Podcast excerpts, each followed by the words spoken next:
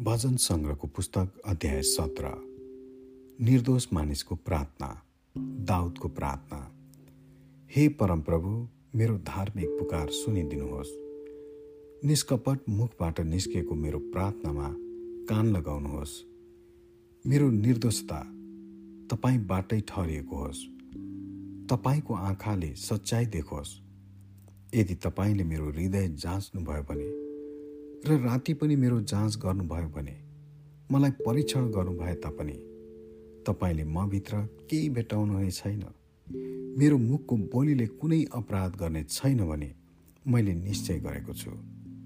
मानिसहरूका कामको विषयमा भन्ने हो भने तपाईँका मुखको वचनद्वारा मैले आफैलाई हिंसाको मार्गबाट बचाएर राखेको छु। मेरा पाइलाले तपाईँका बाटामा दृढता साथ टेकेका छन्। मेरा खुट्टा चिप्लेका छैनन्। म तपाईँमा पुकार गर्दछु। हे परमेश्वर किनकि तपाईँले मलाई जवाफ दिनुहुनेछ। तपाईँको कान मतिर थाप्नुहोस् र मेरो बिन्ती सुन्नुहोस्। आफ्ना शत्रुहरूबाट तपाईँमा शरण खोज्नेहरूलाई आफ्नो दाहिने बाहुलीले बचाउनुहुने हे प्रभु आफ्नो महान प्रेमको आश्चर्यमय कुराहरू प्रदर्शन गर्नुहोस्। तपाईँका आँखाको नानीलाई चाहिँ मलाई बचाएर राख्नुहोस्। तपाईँका पखेटाको छायामुनि मलाई लुकाउनुहोस्। यी दुष्टहरूबाट जसले मलाई लुट्दछन् मेरा ती घातक शत्रुहरूबाट जसले मलाई घेर्दछन् तिनीहरू आफ्ना निर्दयी हृदय बन्द गर्दछन् र तिनीहरू आफ्ना मुखले अहङ्कार साथ कुरा गर्छन्। तिनीहरूले मलाई खेदी खेदी भेटाएका छन् र अब मलाई घेरा लगाउँछन्। मलाई जमिनमा पछार्न तिनीहरू दाउ हेर्दछन्।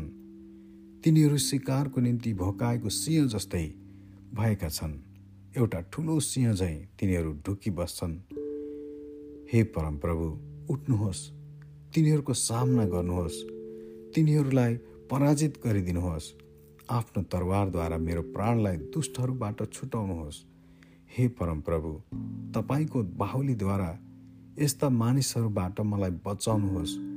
यी संसारका मानिसहरूबाट जसको पुरस्कार यस जीवनकालमा सीमित छ तपाईँले कदर गर्नुभएकाहरूको भोक शान्त गर्नुहुन्छ।